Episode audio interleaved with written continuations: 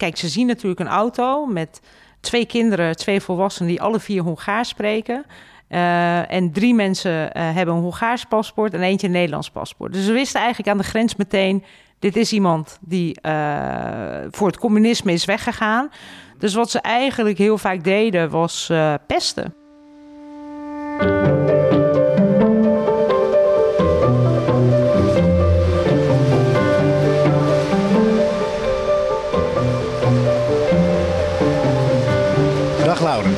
Harmen, goed je te zien. Volgens mij zijn we in Den Haag.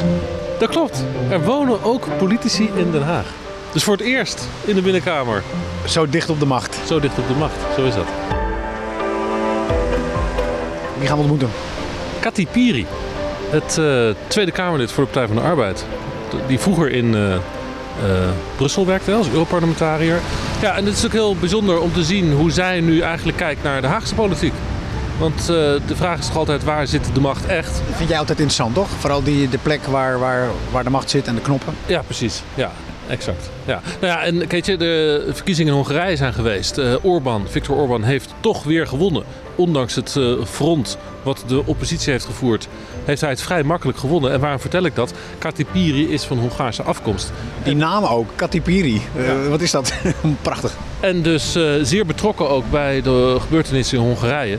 Nou, daar moet ze zo meteen maar over vertellen. Over wat dit nou voor haar betekent. Hè? Dat, dat, en wat dit voor Europa betekent. Wat ja. dit voor jou en mij betekent. Dat Orbán in Hongarije nog steeds aan de macht is. Want het heeft gevolgen voor ja, jou, mijn leven, eigenlijk het leven van iedereen. Wat heel gek is dat een, ja, een pseudo-dictator, mag je hem zo noemen. In ieder geval een corrupt politicus. In onze grenzen.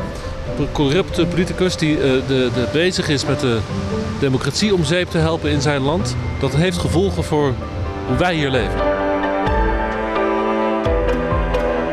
Dit is De Binnenkamer.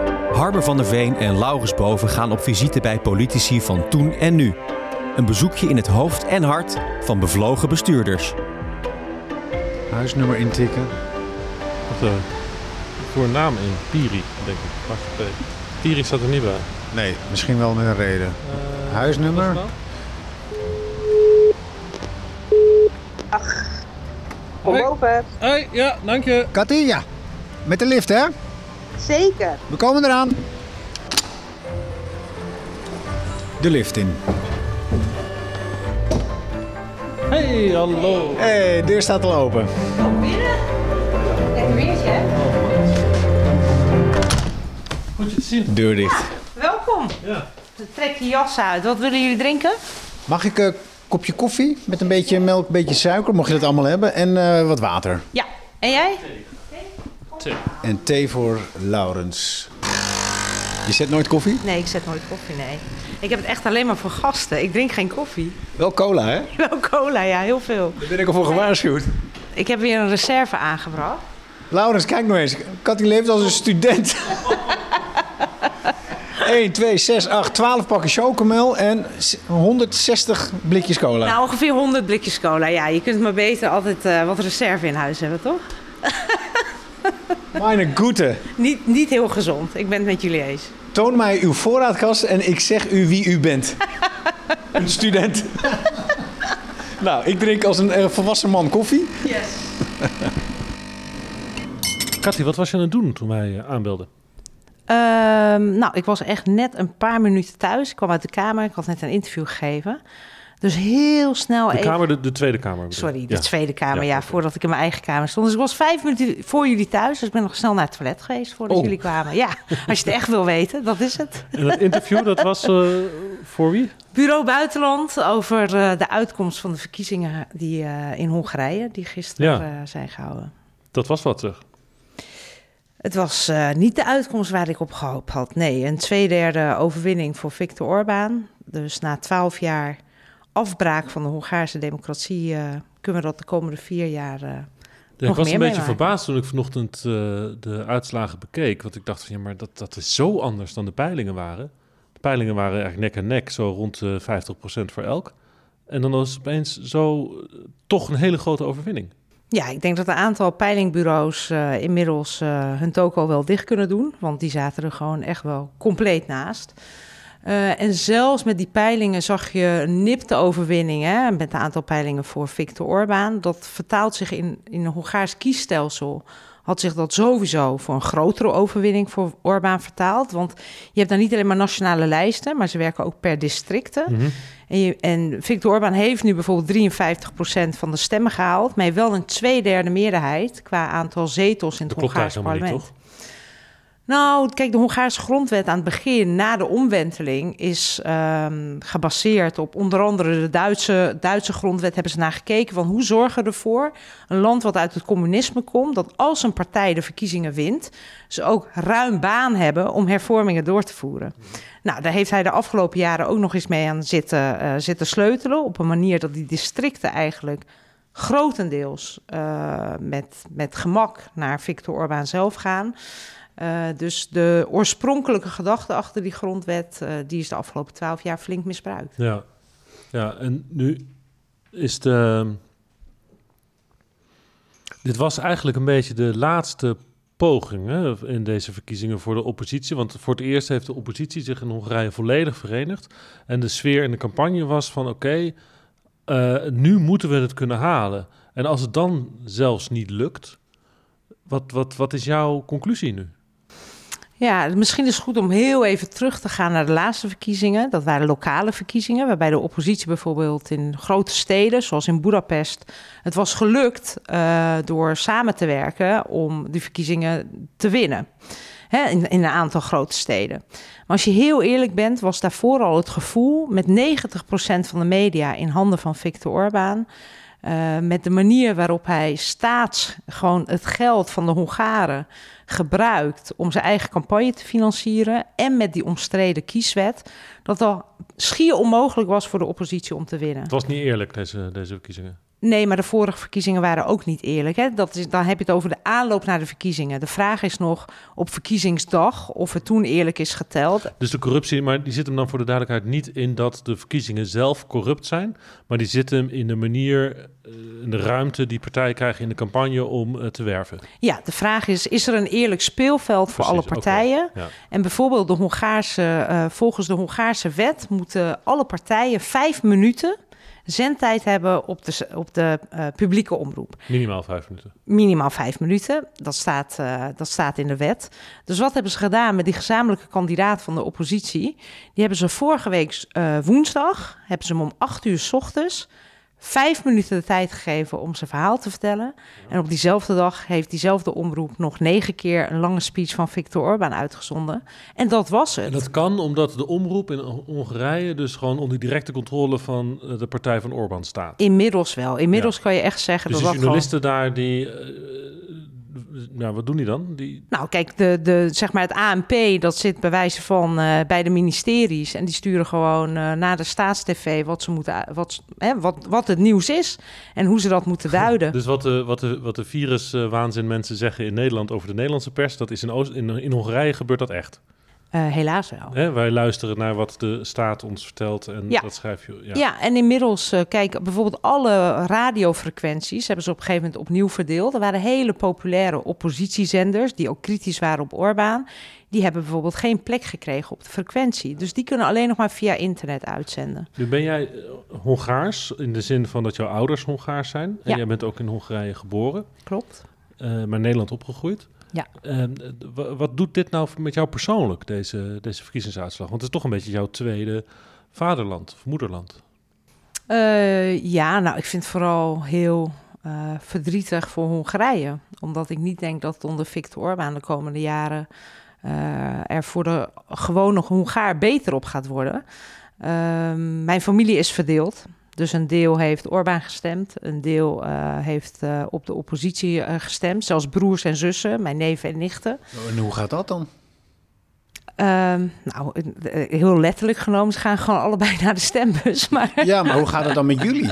Hoe praat je daarover? Hoe, eh, hoe zit je erin? Bedoel, Nou, kijk, de eerste keer dat je zo'n familie. gesprek hebt, dan eh, merk je wel dat, nou ja, dat je tegenover elkaar staat. Dus eh, om de lieve vrede te bewaren, ik kom er eh, gemiddeld eens per jaar.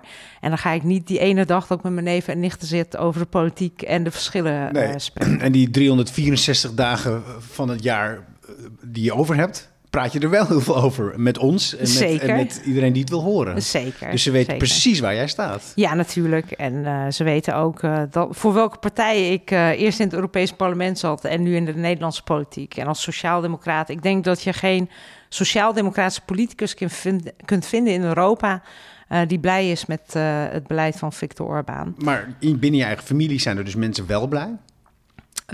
Ja, of zo'n wantrouwen tegen de oppositie, eh, dat ze dan maar op Viktor Orbán stemmen. En dan kom je daar en dan is het we don't talk politics. Er wordt gewoon niet over politiek gesproken. Nou, ik denk dat dat eh, bij een aantal Nederlandse gezinnen ook het geval is. Nou, ik, ik heb dat met mijn familie in Amerika. Die stemmen Ja. Trump. Ja, En, en dan is dat, dat is het mantra. We don't talk politics. Want, Ja. want, want, dan, want dan vergeet je hoe sterk de bloedbanden zijn. En dan ga je elkaar eh, de hersens inslaan. ja.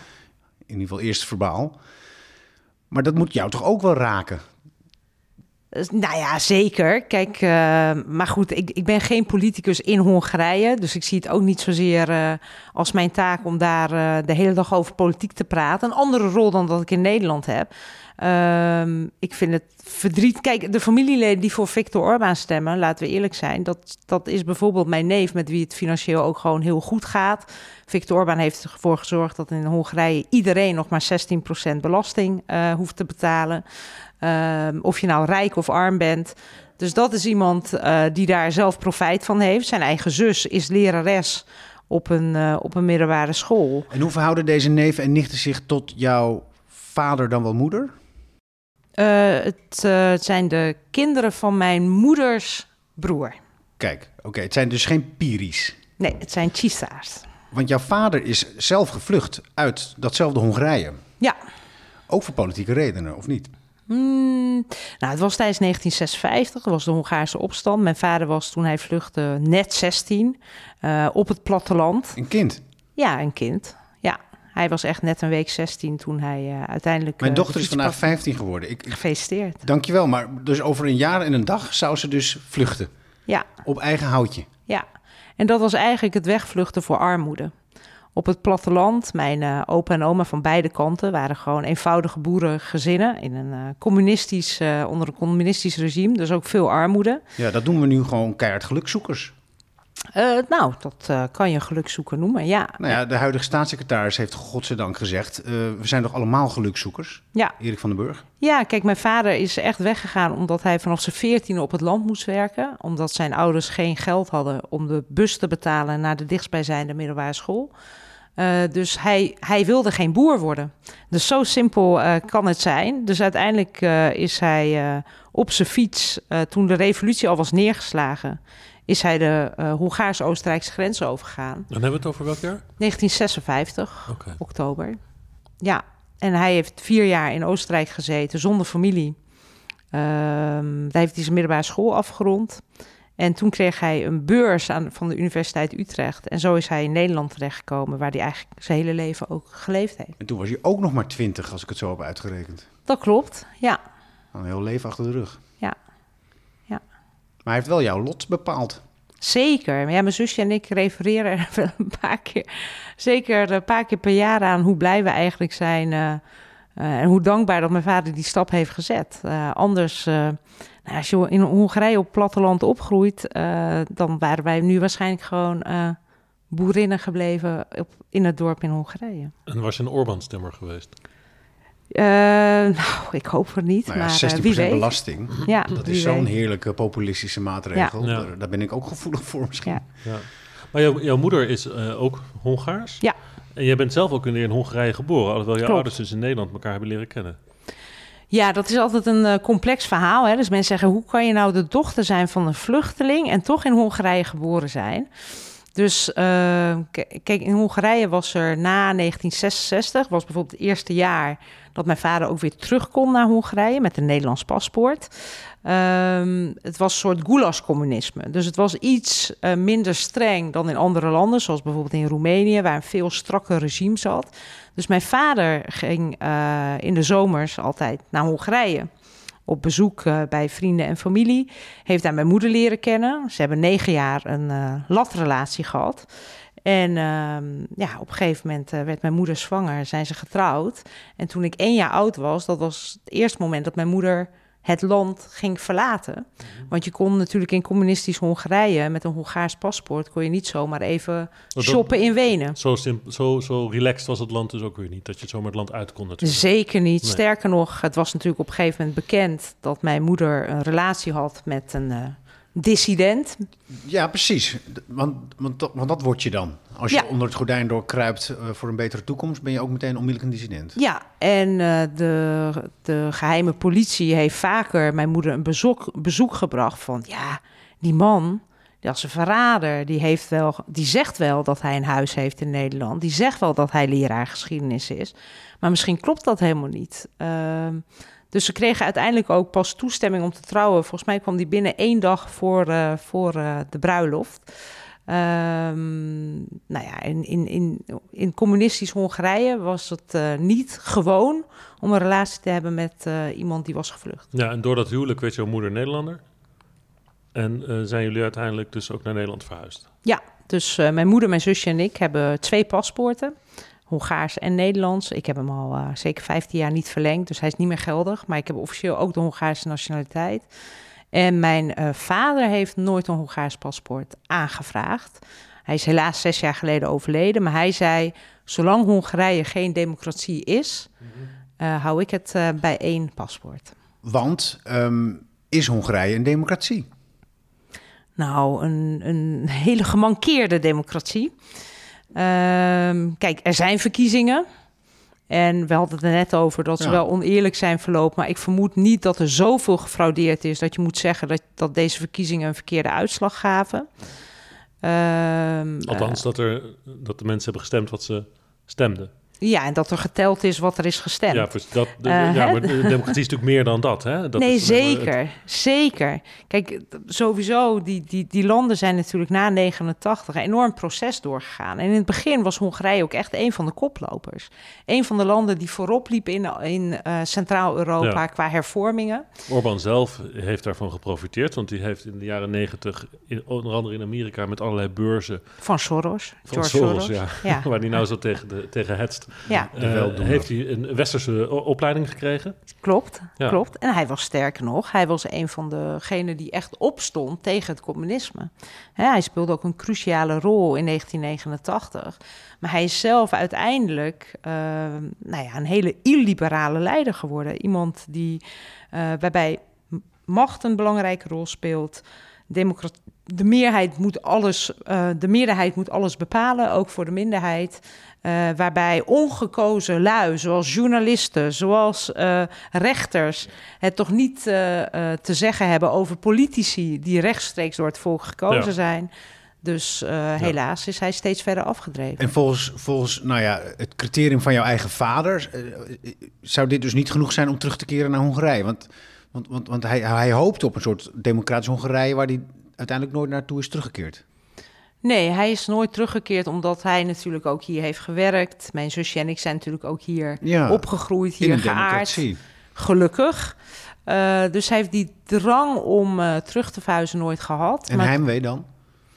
Eh, nou, we gingen, mijn vader was leraar, dus dat betekende vier vakanties per jaar. Eh, dus al toen wij kind waren, gingen we echt vier keer per jaar met de auto, volgepakt met koffie, eh, eh, spullen, kleding voor in het dorp. Gingen wij vier keer per jaar op en neer naar Hongarije. En Dus die heimwee hoefde niet. Nee, en dat kon wel als dissident, als, als, als landverrader. Kijk, mijn vader met een Nederlands paspoort. Dus voor de grens moesten we altijd wachten totdat mijn vader alle papieren voor een visum had ingevuld. En op de terugweg, kijk, ze zien natuurlijk een auto met twee kinderen, twee volwassenen die alle vier Hongaars spreken.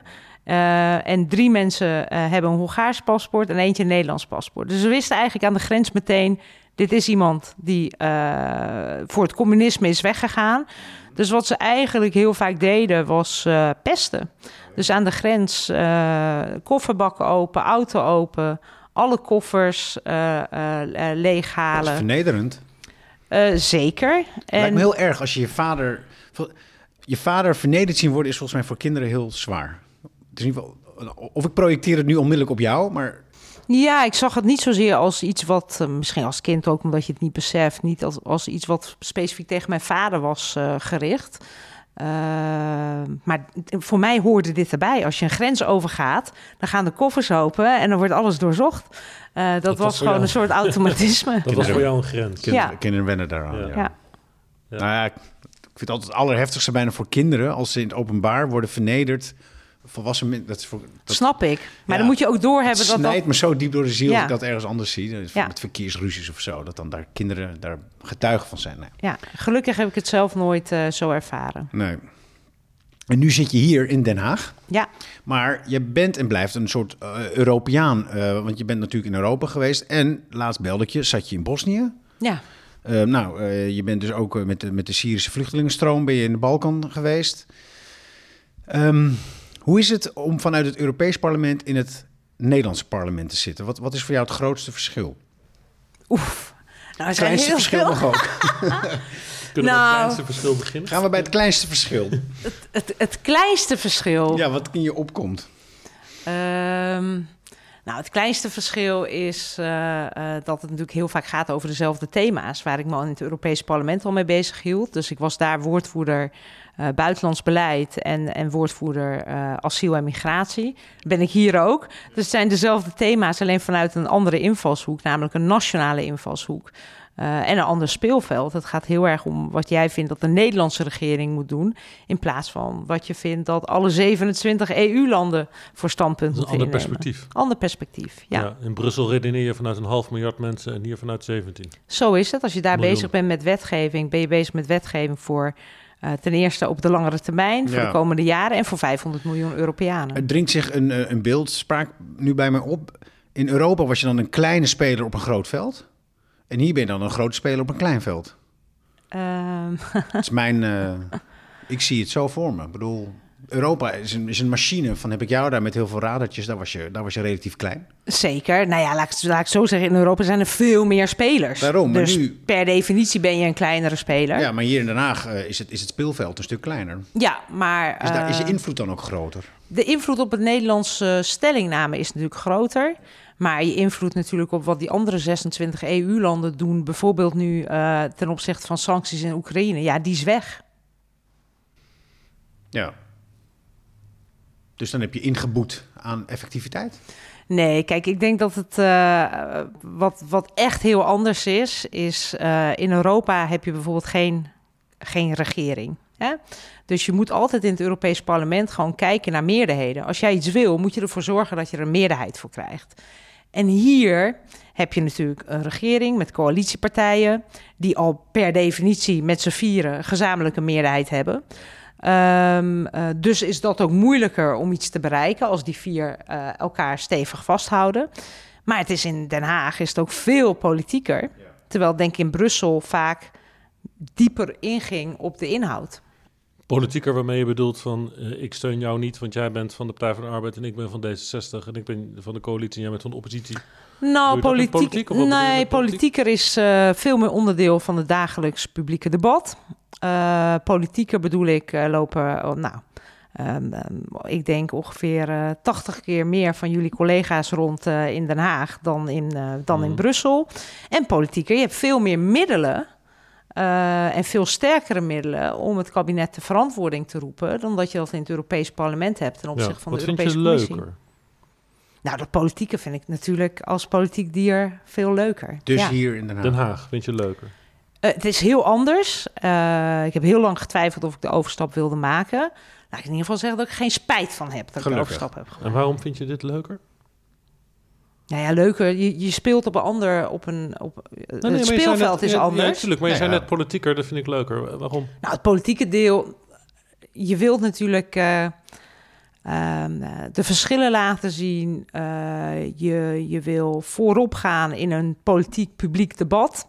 Om te kijken of je meerderheden kan krijgen. Of je toch tegen het kabinet in. Of het kabinet kan dwingen om iets te doen. eh, waar je het niet mee eens bent. Eh, ja, en, en, en dat speelveld heb je hier in, Ja. in, in Den Haag veel meer. Je, je doet dit ook al heel lang, hè? Nou, heel lang. Ja, heel lang. Nee, sorry, je doet het echt al heel lang. Je bent als stagiair begonnen bij de Partij van de Arbeid. En dan hebben we het toch al, ik denk alweer zeker twintig jaar geleden, Cathy. Ik ga snel tellen. Ja, zoiets. Eh, ja. Dus je doet dit al lang. 18 jaar geleden. Dus dat is je halve leven. ja, Ja. maar weet je, als we En- stages gaan meetellen... En tussendoor heb ik Nee, ook nog wel wat nee, anders nee, ho, gedaan. ho, ho, ho. Laat Frans Timmermans het niet horen. Want jouw eerste sta- stagebegeleider was Frans Timmermans. Zeker, ik liep Dus stage eh, bij als stages Frans, ja. niet meetellen, Ja. dan zou Frans Timmermans niet meetellen in deze. Nee, ik zeg niet dat stages niet meetellen, maar Ja. Waarom doe je dit? Ehm goeie vraag. Ten eerste ehm, eh, omdat ik altijd het gevoel had dat je iets wil bijdragen. En eh, dat doen allerlei mensen op andere manieren. Eh, voor mij is dat uiteindelijk in de politiek ge- gelukt. Als je dingen wil veranderen, kan je dat in je buurt doen, kan je dat op een school doen, kan je dat ook in de politiek doen. Eh, en ten tweede zou je het ook niet volhouden als je het niet leuk vindt. Als je er ook eh, energie uit Oh, haalt. Oké, die, die twee dingen, iets veranderen, iets bijdragen. Wat, wat bedoel je daarmee? Eh, als je onrecht ziet of als je vindt dat er eh, bijvoorbeeld een, een, een Nederlandse regering of hiervoor in Europa dat de commissie het verkeerd ziet of de regeringsleiders het verkeerd zien, eh, dan wil je daar natuurlijk iets in veranderen. En dat kan Nou ja, als je een Europarlementariër bent. Nee, sure. Maar ehm, dat, dat is een redelijk uitzonderlijke stellingname. Dat is een heel je bent politicus, dat is je baan. Dus voor jou is het vanzelfsprekend dat je dat, dat wil. Maar ehm, je, je ziet de regering iets doen, je bent het er niet mee eens. En jouw besluit is van, en dus wil ik in de politiek werken. Waarom? Nou, dat is gegroeid. ja, maar waarom? Waar, waar- hoe, hoe is dat begonnen? Waarom doe je dit? Nou, ik heb eh, internationale betrekkingen gestudeerd in, eh, in, in Groningen. Waar trouwens het advies altijd was: word niet lid van een politieke partij. Want het wordt al heel moeilijk om een baan te vinden in dit vak. Laat staan als je ook nog eens een politieke kleur hebt. Eh, uiteindelijk stage gelopen bij inderdaad Frans Timmermans. Omdat het A, omdat ik toen affiniteit overigens nog had. gewoon Tweede Kamerlid was. Hè? Dat was Zeker. die- En hij was de woordvoerder Europa. Ja. En dit was net het jaar voor de Europese verkiezingen. Dus het was ook een leuk jaar om eh, drie maanden stage te lopen in de Tweede Kamer. En ehm, nou dan, dan, dan zie je wat er gebeurt in zo'n Tweede Kamer. Dan zie je wat er gebeurt in zo'n politieke partij. En dat je ook gewoon ehm, nou, dingen kunt veranderen. Dat je eh, voorop kunt gaan in het publieke debat om... eh, Maar is er voor jou een moment geweest toen je zo de twintiger was, eh, op de universiteit of misschien daarvoor al wel, dat je voor jezelf besloot van hé, hey, ik zie voor mezelf of ik wil eigenlijk in de politiek werken? Is er zo'n moment waaraan je dat kan koppelen?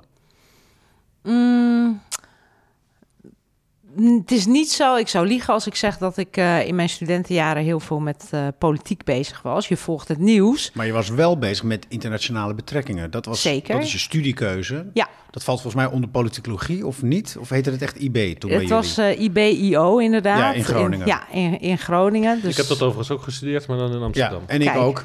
Kijk, Dus eh, we zitten met z'n drieën. Maar... ik had ehm, ook een journalist kunnen worden, willen jullie hiermee zeggen. Ja, en wij Nee, hadden- en ik wil zeggen, ik had Tweede Kamerlid kunnen worden. Maar dat kan sowieso iedereen, gelukkig. Maar, maar heeft het te maken met je jeugd en dat je een Europees kind bent? En dat je een dochter bent van een, van een jongen van 16 die, eh, die, een, eh, die, die binnen Europa een tocht heeft ondernomen? Nou, dat was wel de reden natuurlijk waarom ik de eerste keer dat ik mij kandidaat stelde voor een politieke functie was voor het Europees Parlement. Eh, waar ik toen zeven jaar had gewerkt als medewerker. Ik vond dat echt een topbaan. Ehm, Maar komt het voort uit, jou, uit jouw levensverhaal? eh, dat denk ik wel. Je Europese interesse? Ja, Kind dat denk van Europa, ik wel. ja. Zeker. Over het continent? Zeker. Dus het is een mix van en de politiek en ook in die buitenlandhoek willen zitten. Hè? Je druk maken over waar Europa heen gaat. eh, op zo'n eh, thema als migratie vanuit je eigen achtergrond, vanuit je eigen familiegeschiedenis. Ook, eh, nou ik denk in ieder geval een bepaalde bagage mee hebben. Ja. Waardoor je al wat geïnteresseerder bent voor het thema. Dus ik denk niet dat het toeval is dat ik nog steeds woordvoerder ben op deze twee terreinen. Ja, ook als Hongaar, Nederlandse Hongaar in Nederland, elke vakantie naar Hongarije. Dus dan, dan sta je, leef je eigenlijk ook een beetje in twee werelden in jouw jeugd. En Hongarije was voor jou heel belangrijk. Ik sprak Hongaars thuis. Dus je hebt denk ik een beetje in twee werelden geleefd. Mm, ja, zo nooit ervaren. Ik heb het juist altijd als een enorme plus ervaren. Je spreekt, eh, je klasgenoten spreken één taal, en dat is Nederlands. En eh, jij hebt nog een extra taal. Je hebt, je hebt een ander perspectief daardoor op Nederland. En op, Een ander perspectief ook op vrijheid en hoe belangrijk dat is. En eh, hoe je het niet voor iets automatisch kunt aannemen. Dat, dat zeker. Maar ik heb het kijk, in Hongarije was je wel altijd degene die, ja, jullie hebben makkelijk praten, jullie wonen in het Westen. Uh, dus je was wel altijd uh, de familie die weg is gegaan uit, uh, uit Hongarije. Hoorden er niet bij. De geluksvinders inmiddels. Ja. Um, Mooie auto. Inderdaad, de, want daar had je alleen maar Trabanten, Lada's en um, Wartburgs. Dus elke kwamen, westerse auto was Dus ze waren wel een, blij als jullie dan daar kwamen, maar ook altijd gereserveerd. Nou, kijk, weet je, mijn opa en oma waren natuurlijk hartstikke blij om de kleinkinderen en, en, en mijn moeder te zien. Uh, uh, dus, maar... maar... liet jouw vader het ook zien dan? Was hij dan trots dat hij een mooie auto had? Waarschijnlijk van Duitse makelij. Ik doe maar een gok. Als je überhaupt je weet wat voor auto je had. Maar liet hij het zien? Was hij had heel trots? vaak een, een, oude afgetrapte Mercedes. Want we hebben vaak stilgestaan langs de snelweg oh. in, uh, in, in, Duitsland, kan ik me herinneren. Oké, okay. maar liet hij het zien? Uh, nee, wat je tenminste, of, ik heb het nooit zo. hij zich misschien? Nee, dat ook niet. Maar je had wel altijd het gevoel om um, dat het jou gelukt is om uh, gelukkig in een vrij en een democratisch en rijk land te leven. Uh, was er altijd wel het, het gevoel, we moeten dat delen. Dus wat mijn vader altijd deed, hij was leraar op een uh, middelbare school. Elk jaar uh, schoolmeubels inzamelen voor scholen in Hongarije. Ja. Elke inzamelingsactie. Maar delen is één, maar het lijkt alsof jij je ook verantwoordelijk voelt om, om, om te vechten voor die democratie voor iedereen. En, en dat succes. Kan dat zijn dat dat meespeelt? Uh, ja, natuurlijk. Ik heb wel een speciale band met Hongarije. En, en je, dat heb ik niet met uh, Polen of Tsjechië. Nee. Uh, daar woont geen familie van mij, daar spreek ik de taal niet. Nee, maar een soort verantwoordelijkheidsgevoel... dat dat jouw aandeel is in, in het feit dat je nou ja, wat meer mazzel hebt gehad... dankzij je ondernemende vader... en dat je daar op die manier iets voor terug wil doen. Uh, ja, sowieso wel het gevoel ook wat mijn vader had, die hier heel erg uh, verwelkomd is in Nederland. Uh, en hier alle kansen heeft gehad waar hij nooit gebruik van had kunnen maken als hij in Hongarije was gebleven. Die dankbaarheid zat erin. maar ik denk ook een beetje, nou ja, dat schuldgevoel dat je ook mensen achterlaat natuurlijk in diezelfde armoede. En dat je in ieder geval probeert mensen in het dorp, mensen in de familie zo goed mogelijk te helpen. Maar dat hebben denk ik alle migranten in Nederland, ja, dat gevoel. Nu, um, ik zit het thema grens dus heel erg in, jou, in jouw leven. Hè? Grenzen die dicht zijn, grenzen die open gaan, het ijzeren gordijn van je vader. Uh, je bent opgegroeid, net als wij trouwens, in de jaren negentig, van dat de grenzen steeds opener werden, in ieder geval ja. binnen Europa. Tegelijkertijd zie je de grens buiten Europa steeds dichter worden. De hekken. Uh, hoe is dat voor jou om dan te zien en daar ook aan mee te werken als politicus van de Sociaal-Democratische Partij in Nederland? dat die grenzen dicht moeten zijn aan Europa, aan de buitengrenzen, terwijl jouw eigen levensverhaal gaat over mensen die uh, grenzen proberen te overwinnen. Ja, ik heb niet het gevoel dat ik meewerk aan het uh, uh, ophogen van de grenzen buiten, buiten Europa. Maar het hele vluchtelingenverhaal, hoe we daar anno... Nou ja, de Partij van de Arbeid is, is, is geen radicale partij, is gewoon een partij die meeregeert uh, op zekere momenten. Die ja. het verleden heeft geregeerd ten tijde van de Turkije-deal. Zeker. En jouw partijgenoten in andere landen, uh, sociaal-democratische familie in andere landen, die, die steunen ook uh, het, het grenzenbeleid zoals het er is? Nou, dat zijn er vrij weinig. En degenen die dat doen, zitten vaak zijn oud-communistische partijen in Oost-Europa. Uh, dus dat vind ik wel een speciaal type sociaaldemocraat waar ik me niet zo uh, bij thuis voel. Mhm. Kijk, als je specifiek hebt over de Turkije-deal. Nee, nee, ik wil niet specifiek over de Turkije. Ik, ik, het gaat mij meer om het punt dat, dat jij dus. Nou, die, die spanning tussen de grenzen die we hebben overwonnen in ja. Europa in de jaren 80 en 90, ja. die nu weer in volle glorie bestaan. Zeker. Uh, op een rare manier, terwijl je natuurlijk binnen de EU zijn al die grenzen weg.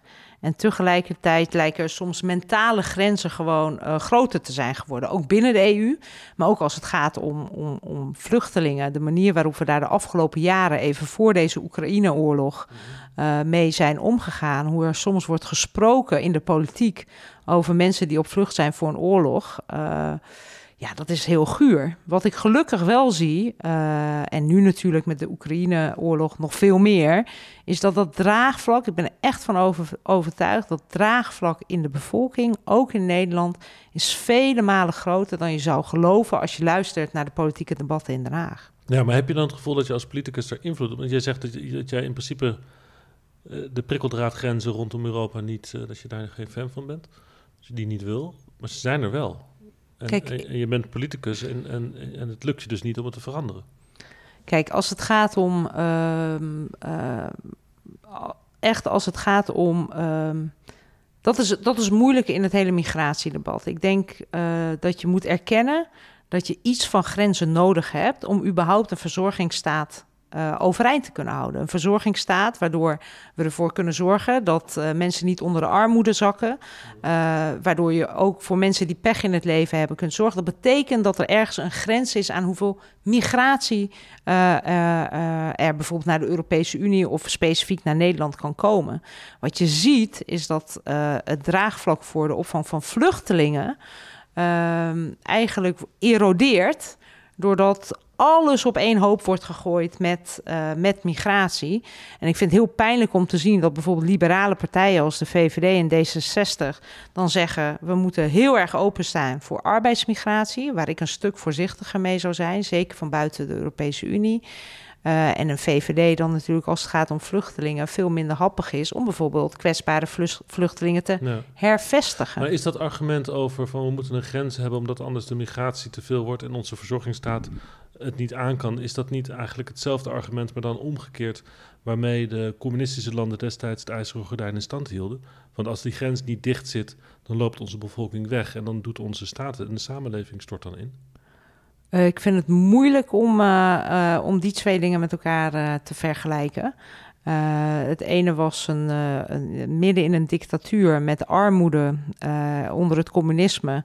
Waarbij je inderdaad, de dissidenten konden niet weg. Hè? Die moesten met grote uitzondering, die bleven vast in het land. En hebben helaas decennia lang onder een dictatuur moeten wonen.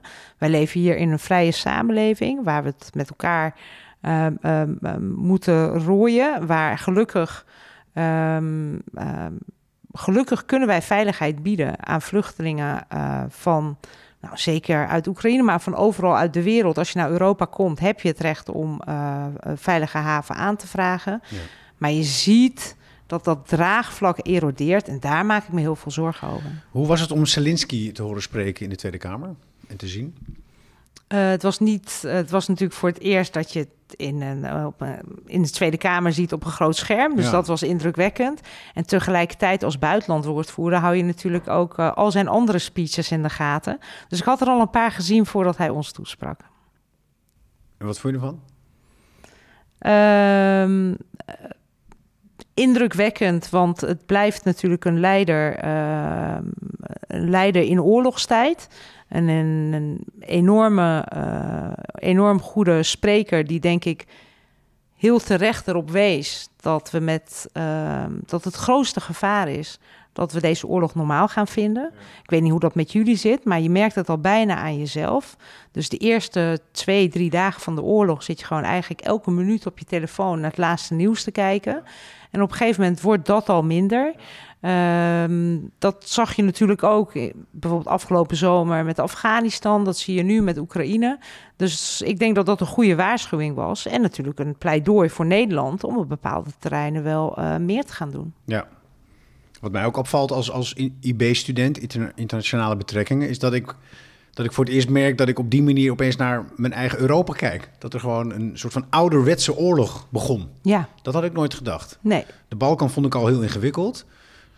Vol- Volgens mij krijg ik, eh, is het, mag je niet zeggen dat het een burgeroorlog was, maar dat was natuurlijk een hele rare constructie. Ik was toen vrij jong student, maar dit, met zulke jonge kinderen die ik nou heb, nou ja, eh, verwarrende tijden. Ja, en inderdaad, een, eh, als we hadden moeten voorspellen met alle experts in Nederland hoe de komende, de volgende oorlog eruit gaat zien, Ja. dan hadden we iets met cyber eh, eh, bedacht. Ja, maar niet dit, hè? Niet een ouderwetse oorlogsvoering. Nee. En het is natuurlijk ja, te bizar voor woorden in 2022 dat er gewoon op nog geen twee uur vliegen hier vandaan eh, raketten neerdalen, dat er plunderingen zijn, verkrachtingen, executies. eh, gruwelijk. Wat mij heel erg trof was die foto van die eh, slachting in dat eh, voorstadje van eh In. Bucha, ja. Eh, van die foto van die hand van die mevrouw met de sleutelbos ernaast. En de sleutelhanger aan die sleutelbos, dat was de Europese vlag. Ik zag het. Heb je hem ook gezien? Ja, ik heb nog hem niet. gezien. Ja. ja. Ja, ik vind uh, dat we hebben het er niet vaak over, maar ik vind het ook pijnlijk hoe we in, in, in Nederland als, nou, als onder andere Partij van de Arbeid, hoe het ons niet is gelukt om toen met dat associatieakkoord daar een meerderheid voor te vinden. En dat was natuurlijk uh, niet zo heel lang na MH17. Ja. Um, uh, pijnlijk, pijnlijk. Is het, niet is het niet tijd, wat jou betreft, vanuit jouw point of view, dat er een progressieve regering gaat komen? Dat in Nederland? Zeker. Of, uh, ja. Ik bedoel, uh, jij zit al heel lang in de politiek, maar je kijkt vaak uh, vanuit de oppositie, kijk jij richting de regering. Vooral hier ook in, in Den Haag natuurlijk. Hoe zie jij de kansen van de PvdA dat ze ooit nog gewoon in een kabinet komen en gewoon de verkiezingen gaan winnen? nou, ik vind eerst dat je die verkiezingen moet winnen. En daarna is het natuurlijk een stuk makkelijker om een, om een coalitie te vormen. Maar hoe ga je dat doen? Winnen? Um, Heb je daar ideeën over? Zeker. Ik bedoel, het is nog niet zo heel lang geleden dat we verkiezingen gewonnen hebben. Uh, verkiezingen waar ik uh, zelf een klein onderdeeltje van mocht uitmaken. Europese, Timmermans. Europese verkiezingen, ja, zeker. Het Timmermans effect. Ja, en, um, maar goed, uiteindelijk weet ook één ding iedereen bij Timmermans. En dat is dat het uh, uh, een PvdA is. Ja. Dus uh, we haalden toen bijna 16 procent. Um, Volgens mij is het ook omdat mensen heel vaak dachten... ik weet niks van Europa, ik ken maar één iemand. En dat is Timmermans. En dat hij daarom gewonnen heeft. Nou, ik denk uh, dat ze een, um, um, een, bevlogen man zagen... die ook nog eens de voorzitter konden worden uh, van de Europese Commissie.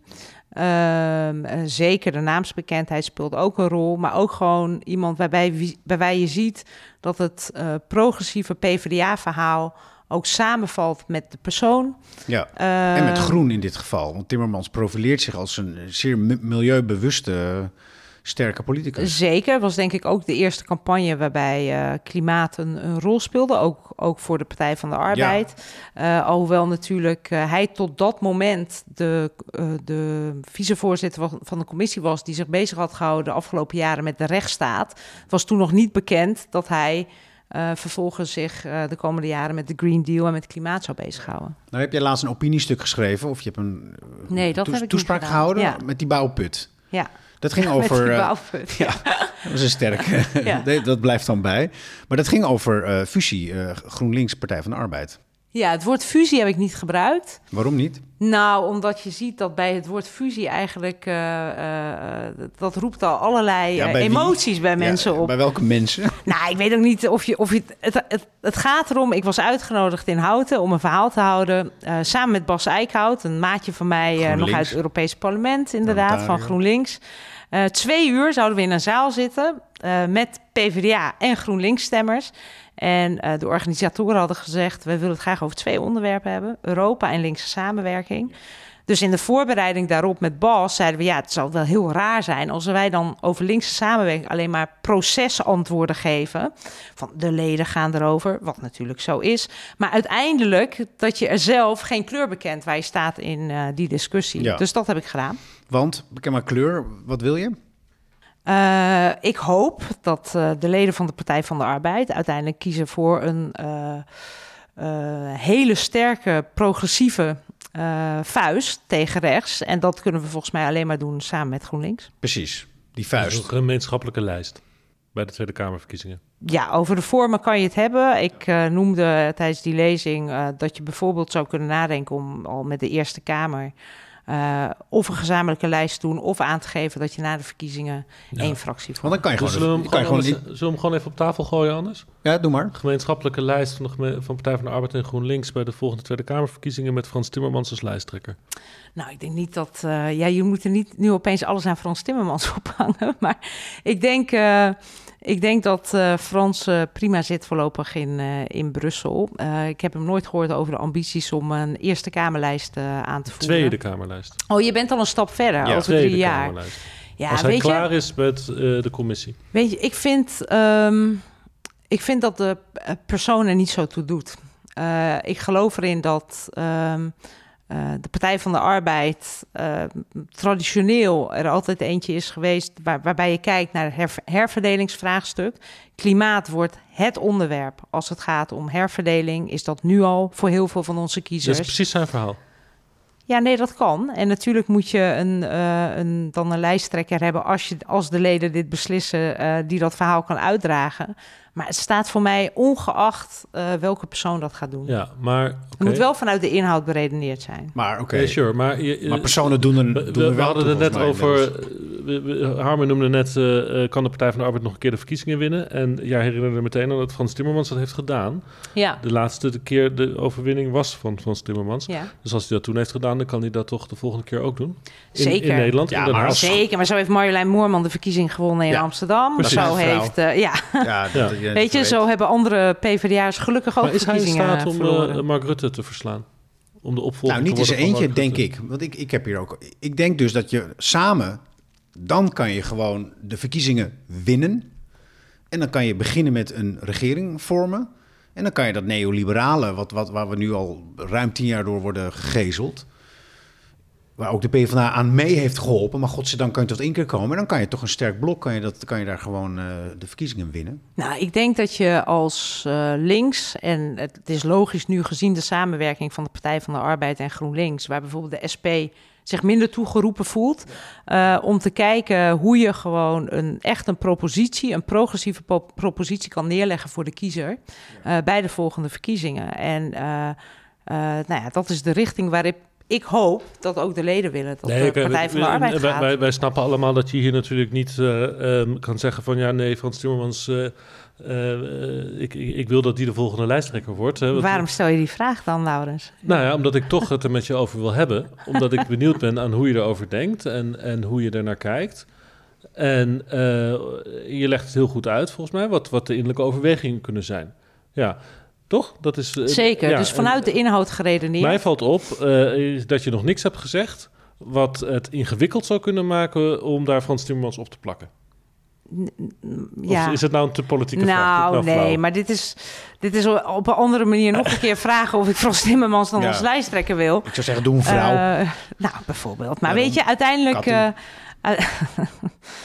Uiteindelijk gaan, denk ik... Eerst moet die stap... Ten eerste Ja. moeten leden die stap willen zetten. de leden, ja. Vervolgens moet daar een heel goed inhoudelijk verhaal eh, eh, onder zitten. Uit kracht en niet uit zwakte. Dus Absoluut. Niet uit een put, maar uit een bouwput. Zo is het. Dank u. En eh, vervolgens het, het sluitstuk is wie leidt zo'n lijst. Maar Ja. goed, daar begin je niet. Nee, maar dan toch nog even naar de fracties nu in de Tweede Kamer. GroenLinks en PvdA. Ik bedoel, Klaver en Ploemen, dat zit goed.